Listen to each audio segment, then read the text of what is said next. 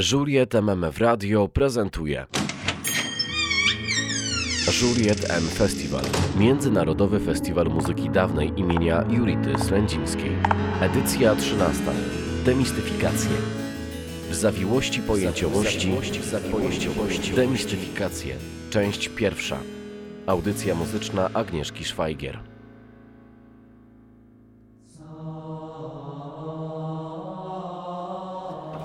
Schodzimy w dół do piwniczek jezuickich. Trochę tu wilgotno w tych kryptach. Musisz uzyskać dokładnie ten sam dźwięk na dwóch stronach. To Witold Wilgos, lutnista, absolwent Akademii Muzycznej w Gdańsku i Bydgoszczy, dyrektor Państwowej Szkoły Muzycznej pierwszego stopnia imienia Oskara Kolberga w Warszawie. Lutniowa muzyka jest zapisana za pomocą tabulatury. Typowa tabulatura lutniowa jest zapisywana na sześciolinii. Jest zapisywana za pomocą symboli albo liter. Możemy jeszcze powiedzieć, że dzieli się na tabulaturę francuską i włoską, takie najbardziej dwie typowe. Czym się różnią? Tabulatura francuska to jest taki zapis, który jest tak samo jak w nutach, że niskie dźwięki są nisko zapisane, wysokie są takim wyższy dźwięk, tym wyżej na tej sześciolinii. Natomiast jeśli chodzi o tabulaturę włoską, mamy odwrotną sytuację. Wysokie struny w zasadzie, tak? Są, są na samym dole, jakbyśmy to mogli powiedzieć, a, a z kolei struny niskie są na górze. Kontakt z tą tabulaturą jest y, dość szokujący na początku, bo wszystko jest dokładnie odwrotnie niż intuicja nakazuje. Natomiast idea, idea tablatury polega na tym, że mamy sześć linii, które odzwierciedlają struny. Natomiast znaki, które się na tych liniach pojawiają, odzwierciedlają miejsca, w których się naciska, czyli progi.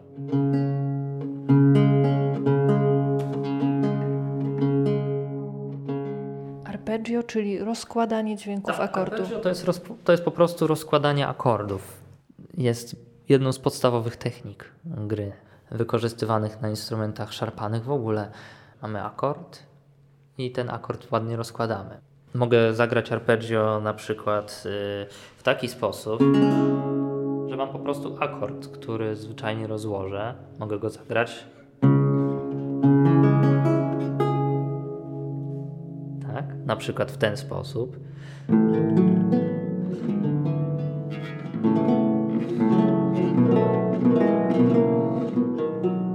Takie typowe słupy akordowe. Natomiast mówimy o artystycznym arpeggio, czyli arpeggio nie jako po prostu zagranie akordu, tylko zagranie akordu w sposób figuracyjny, czyli wykorzystanie różnego kierunku, żeby utwór był artystycznie ciekawszy.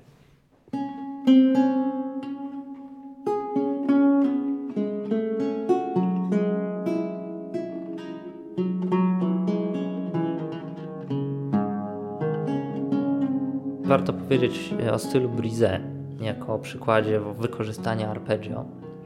To był taki styl francuski, właśnie oparty na, na takich fragmentach akordowych, na takiej figuracji akordowej, w której nie możemy tak jakby wyraźnie wydzielić melodii czy jakiegoś głosu. One tam pojawiają się takie strzępy głosów, które ze sobą się łączą tak byśmy powiedzieli, że to jest taki akompaniament, ale bez głosu solowego. To jest styl wczesno-barokowy.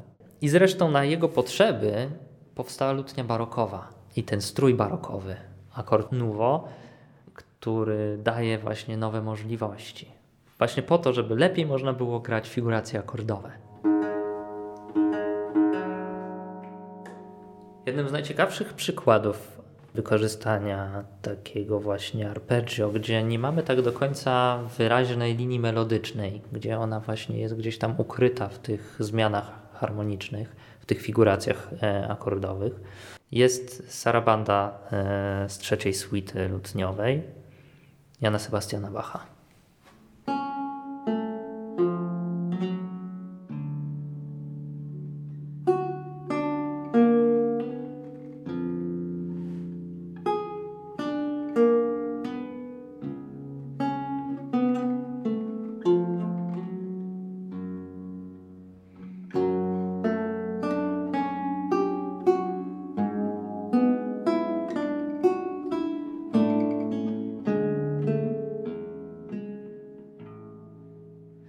Gitarzysta troszeczkę czuje się na początku jakby grał na harfie, bo na gitarze mamy 6 strun, a tutaj na przykład na teorbie, którą właśnie trzymam w ręku, mamy 14 strun. W związku z tym większość strun jest obsługiwana kciukiem. No, trudno też jest trafić w te wszystkie strony na początku. Moja teorba, bo to jest tak się nazywa ten instrument, to jest, yy, to jest lutnia, jak widzisz, z dodanym, z dodanym takim riderem, bass To riderem. jest instrument, który ma gryf prosty, Tak, aczkolwiek długi i te struny, ile ich jest? Sześć strun, ciągną Mhm. się aż do samego końca przez cały gryf. Tak. E, one mają półtora metra, tak żeby można było to sobie wyobrazić. E, I Taki duży krok. raczej taki skok konkretny. To pokaż te struny basowe, jak one brzmią.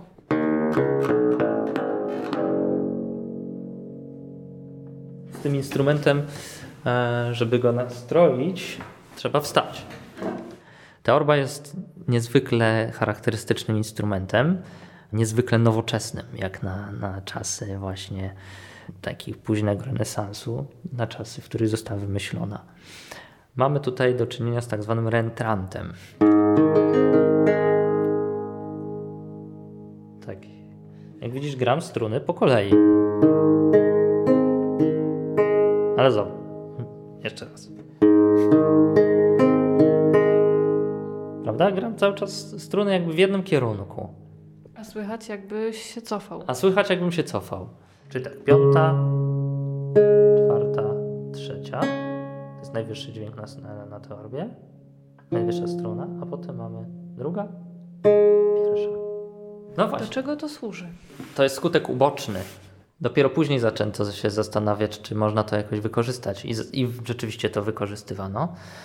To jest dlatego, że menzura, ta drgająca część struny, czyli to jest właśnie między, między strunnikiem a siodełkiem, to jest menzura.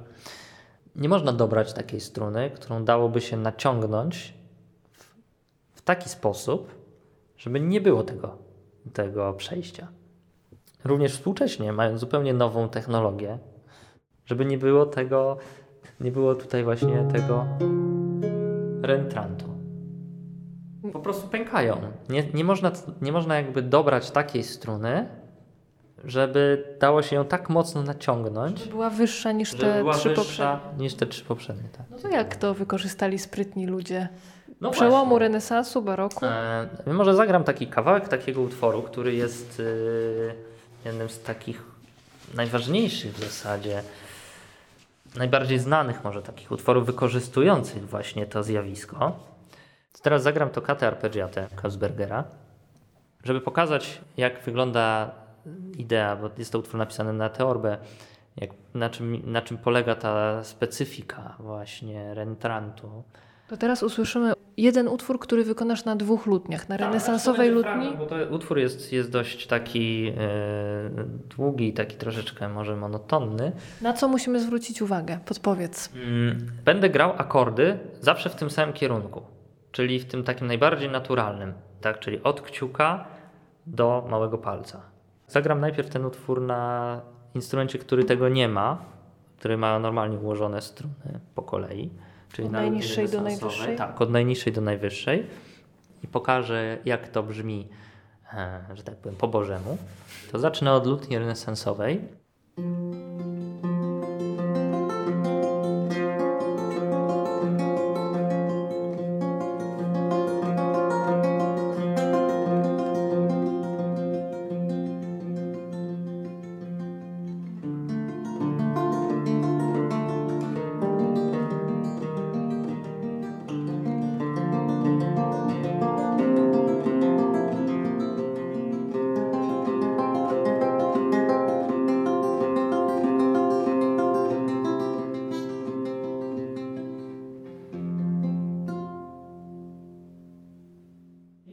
Kontrastu zagram ten utwór już w oryginale na teorbie.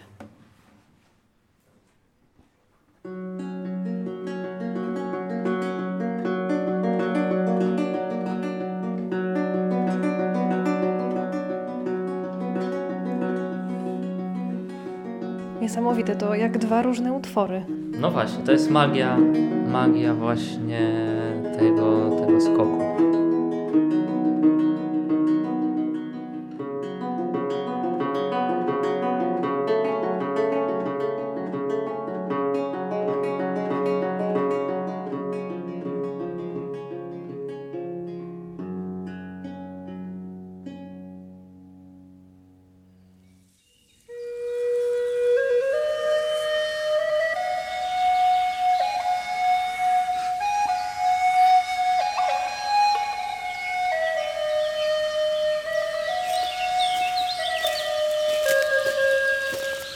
Lutnia, teorba, instrumenty historyczne i cała zawiłość pojęć związanych z wykonawstwem historycznym.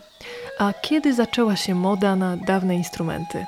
Zapytajmy doktora Marka Nachajowskiego, teoretyka muzyki, flecistę grającego na kopiach instrumentów historycznych i wykładowcę w Akademii Muzycznej w Łodzi. Idea historycznego wykonywania muzyki dawnej ma oczywiście bardzo długą swoją historię i tradycję.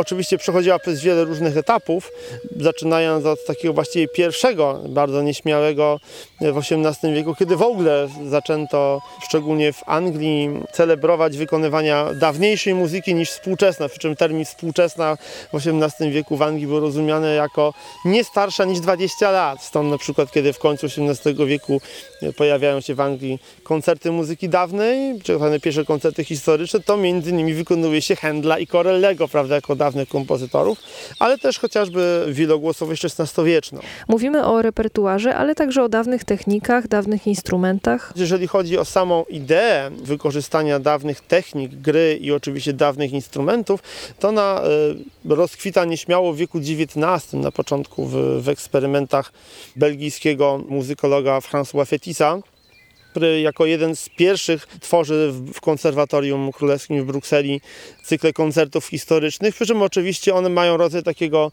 muzycznego czy dźwiękowego muzeum. To nie jest jeszcze traktowane jako rodzaj autonomicznej sztuki, raczej jako ciekawostka służąca ilustracji wykładów z zakresu muzykologii i historii muzyki. Natomiast no, przyjmuje się, że pierwszym, nazwijmy to nowoczesnym, w cudzysłowie dawnym muzykiem, który tę praktykę próbuje rekonstruować, był Arnold Dolmetsch, pochodzenia Francuz, w Anglii pod koniec wieku XIX, gdzie, gdzie założył rodzinę i oddał się rekonstruowaniu dawnych e, instrumentów i praktyk. Napisał jeden z najważniejszych wczesnych, wczesno-dwudziestowiecznych podręczników poświęconych praktyce wykonawczej muzyki epoki baroku, czyli The Interpretation of, of Music of the 17th and 18th Centuries. Romantyczne poszukiwania prawdziwej nazwijmy to ideologicznie czy ideowo, muzyki u Dolmecza miały bardzo duże znaczenie. Wśród zawiłości pojęciowości związanej z profesjonalnym wykonawstwem muzyki dawnej pojawiają się terminy artykulacja, diminucja, ornamentacja. Zacznijmy od artykulacji. Artykulacja oczywiście najprościej może być odnoszona do artykulacji mowy, tak jak my artykułujemy głos, czyli wymawiamy je w różny sposób. Przykładowo po dwa, tylko raczej oddzielnym językiem. Bo pan grając mówi. Tak, wypowiadamy oczywiście pewne konkretne głoski. Wspomniał pan o tym, że granie na instrumencie miało imitować ludzki głos. Wynikało to z idei humanistycznych, które w Europie, szczególnie mocno od drugiej połowy XV wieku funkcjonowały w społeczeństwie. Też pamiętajmy w ogóle, że renesansowy humanizm był o tyle specyficzny, że w ogóle upatrywał jakichkolwiek ideałów sztuki w okresie starożytnym, w starożytnej Grecji czy Rzymie. Stąd odrodzenie z poetyki arystotelesowskiej, zainteresowanie w ogóle językiem jako takim, rozwój języków nowożytnych. Ten renesansowy humanizm, zainteresowania wpłynęły też na to, w jaki sposób muzyka muzycy poszukiwali ideału brzmienia. Jeżeli chodzi o opis tego, jak można wykonywać artykulację, to pojawia się on dopiero w wieku XVI, a więc stosunkowo późno praktycznie w epoce średniowiecza i zapewne też wcześniejszych nie przywiązywano w traktatach jakiejś specjalnej wagi do omawiania problemów dotyczących praktyki wykonawczej była to raczej kwestia przekazywana zupełnie ustnie.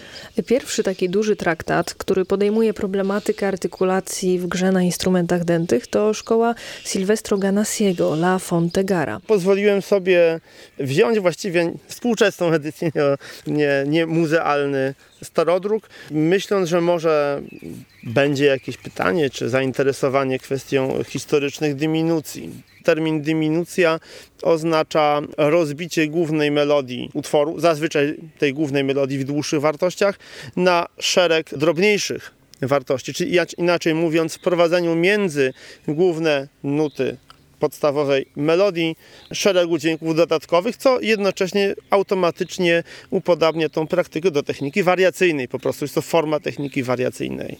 Upraszczając oczywiście nieco tę sprawę, przed epoką beethovenowską za muzykę uważano to, co brzmi po prostu. Czyli wykonanie to była muzyka.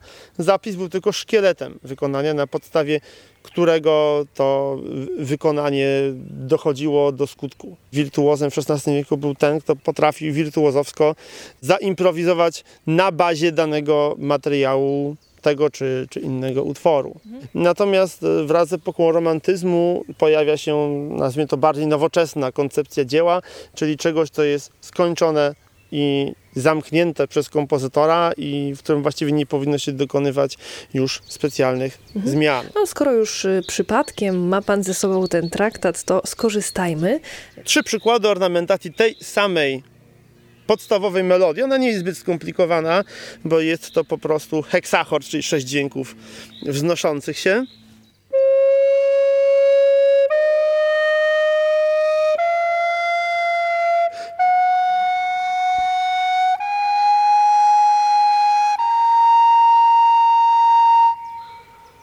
Najprostszy sposób ozdobienia, a więc rozbicie tych całych nut na figury ćwierćnutowe, spośród których każda pierwsza z czwórki jest dokładnie tą nutą z heksachordu.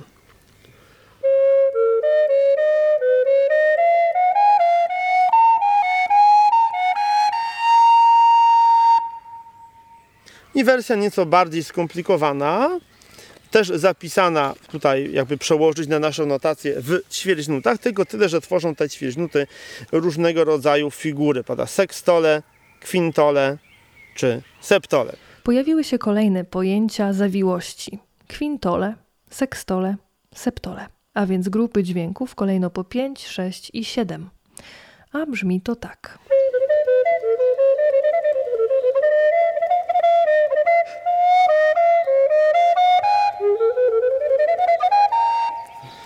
A jakby pan wytłumaczył różnicę między diminucją, a na przykład zdobieniem, ornamentacją? To są terminy blisko związane, przy czym termin ornamentacja jest terminem o znacznie szerszym rozumieniu, znacznie szerszym e, zakresie, a diminucja jest właściwie e, tylko jednym z rodzajów ornamentacji. I jeżeli by właściwie próbować w jakiś sposób podzielić e, ornamenty na typy, to można by wyróżnić dwie ogólne kategorie. One były oczywiście różnie nazywane. Pierwsze to te właśnie tak zwane diminucje, które polegają na rozdrabnianiu melodii, czyli wypełnianiu przestrzeni czasowej między głównymi dźwiękami tej melodii bazowej, co żeśmy przed chwilą mogli e, usłyszeć. Natomiast drugim rodzajem są tak zwane różne sposoby ornamentowania konkretnych nut za pomocą ornamentów takich jak tryle, przednutki, toczki, mordenty i tego typu różne przyjemne ornamenty. One zresztą też nosiły różnego rodzaju nazwy, takie chociażby jak affetti u Cacciniego albo agremont prawda, we, we Francji. Terminologię i zawiłości pojęciowości tym razem wyjaśni dr Judyta Tubczyńska, skrzypaczka i teoretyk muzyki, wykładowczyni w Akademii Muzycznej w Łodzi.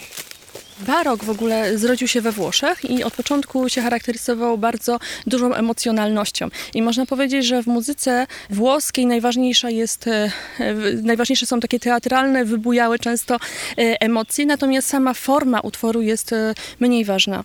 We Francji jest odwrotnie, forma jest bardzo istotna, natomiast no, te emocje są dużo bardziej stonowane w muzyce francuskiej. Pomiędzy tymi krajami oczywiście istnieje również różnica w stosowaniu różnego rodzaju form muzycznych. We Włoszech to jest przede wszystkim opera, tam zrodziła się opera i sonata, jeżeli chodzi o muzykę instrumentalną, a później koncert oczywiście. Francuzi nie rozumieli abstrakcyjnej muzyki sonatowej, która o niczym nie mówi. Odmiennie e, również kompozytorzy podchodzili do sprawy improwizacji, ponieważ we Włoszech improwizacja była czymś bardzo powszechnym i wykonawcy mogli improwizować bardzo bogate pasaże, kadencje, e, bardzo rozbudowane. Natomiast e, we Francji często ozdobniki były wypisane. Na przykład Jean-Baptiste Lully w orkiestrze, którą prowadził, nakazywał realizowanie tylko tych ozdobników, które on wpisał w nutach. Nie można było improwizować. Również ozdobniki francuskie są bardzo drobniutkie to często są jedna, dwie nutki, e, różnego rodzaju tryle, natomiast nie są to rozbudowane jakieś pasaże e, swobodne. Mogłabyś zademonstrować kilka podstawowych ozdobników francuskich? Jednak się podstroję. Czy teraz się pojawi taki termin, może ja go sprowokuję, appoggiatura? Appoggiatura oczywiście to jest termin włoski, ale możemy też go użyć do muzyki e, francuskiej. To jest jakby opóźnienie trylu od góry. Jeżeli byśmy chcieli tryl zagrać na dźwięku podstawowym, na którym jest napisane, to byłby... I rozpoczęłam od tego dźwięku dolnego. Natomiast za appoggiaturą zacznę go od dźwięku wyższego. Innym ozdobnikiem opóźniającym główny dźwięk jest e, port de voix. Można powiedzieć, że to jest appoggiatura grana od dołu. Coś takiego. Zarówno appoggiatura jak port de voix są ozdobnikami, które opóźniają nutę, czyli wprowadzają pewnego rodzaju dysonans. I port de voix y, moim zdaniem ma taki wydźwięk troszkę jęczący, taki, taki żałosny. Ten ozdobnik bardzo ładnie się łączy z ozdobnikiem, który dzisiaj nazywamy mordentem. On y, posiadał we Francji nazwę albo pince, albo battement. Mamy jeszcze szereg takich bardzo drobnych nutek. Wśród nich jest na przykład kule. Jest to nutka wypełniająca skok tercji. Taka skoczna. Tak. Jedna mała nutka już jest osobnym ozdobnikiem.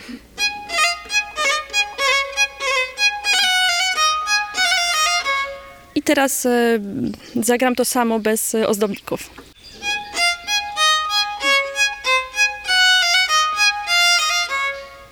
Ozdobniki zawsze spełniają e, funkcję dekoracyjną, także nigdy grający nie powinien stracić z oczu tego, co jest naprawdę istotne, e, prowadzenia frazy. Należy zawsze pamiętać o tym, że ornament jest, ale mogłoby go nie być i utwór by istniał dalej. Także ornament zawsze powinien być wykonywany dosyć lekko, tak żeby nie zmieniał sensu utworu. Kiedy mówimy o interpretacji muzyki francuskiej XVII i XVIII wieku, spotykamy się ze złożonym i zagadkowym pojęciem inégalité, czy też inégal.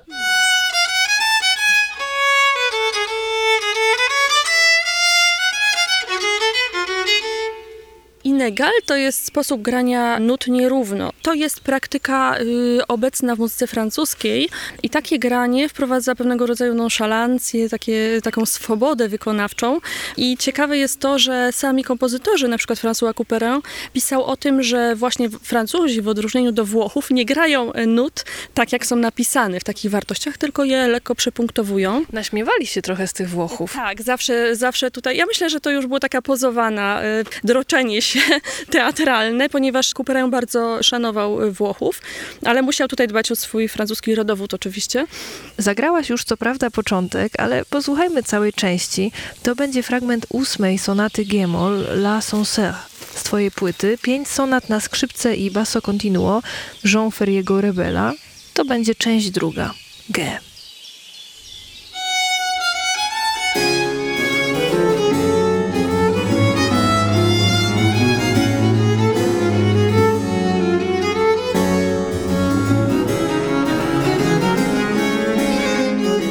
Była to audycja Agnieszki Szwajgier w zawiłości pojęciowości. Demistyfikacje, część pierwsza. W rozmowie udział wzięli Marek Nachajowski, Witold Wilgos, Judyta Tubczyńska i Agnieszka Szwajgier. Audycja powstała dla Juliet M Festiwalu, Międzynarodowego Festiwalu Muzyki Dawnej imienia Julity Slędzińskiej. Dyrektor artystyczna festiwalu Anna Urszula Kucharska. Realizacja dźwiękowa Sounds and Stories. Organizator Galeria imienia Slędzińskich w Białymstoku.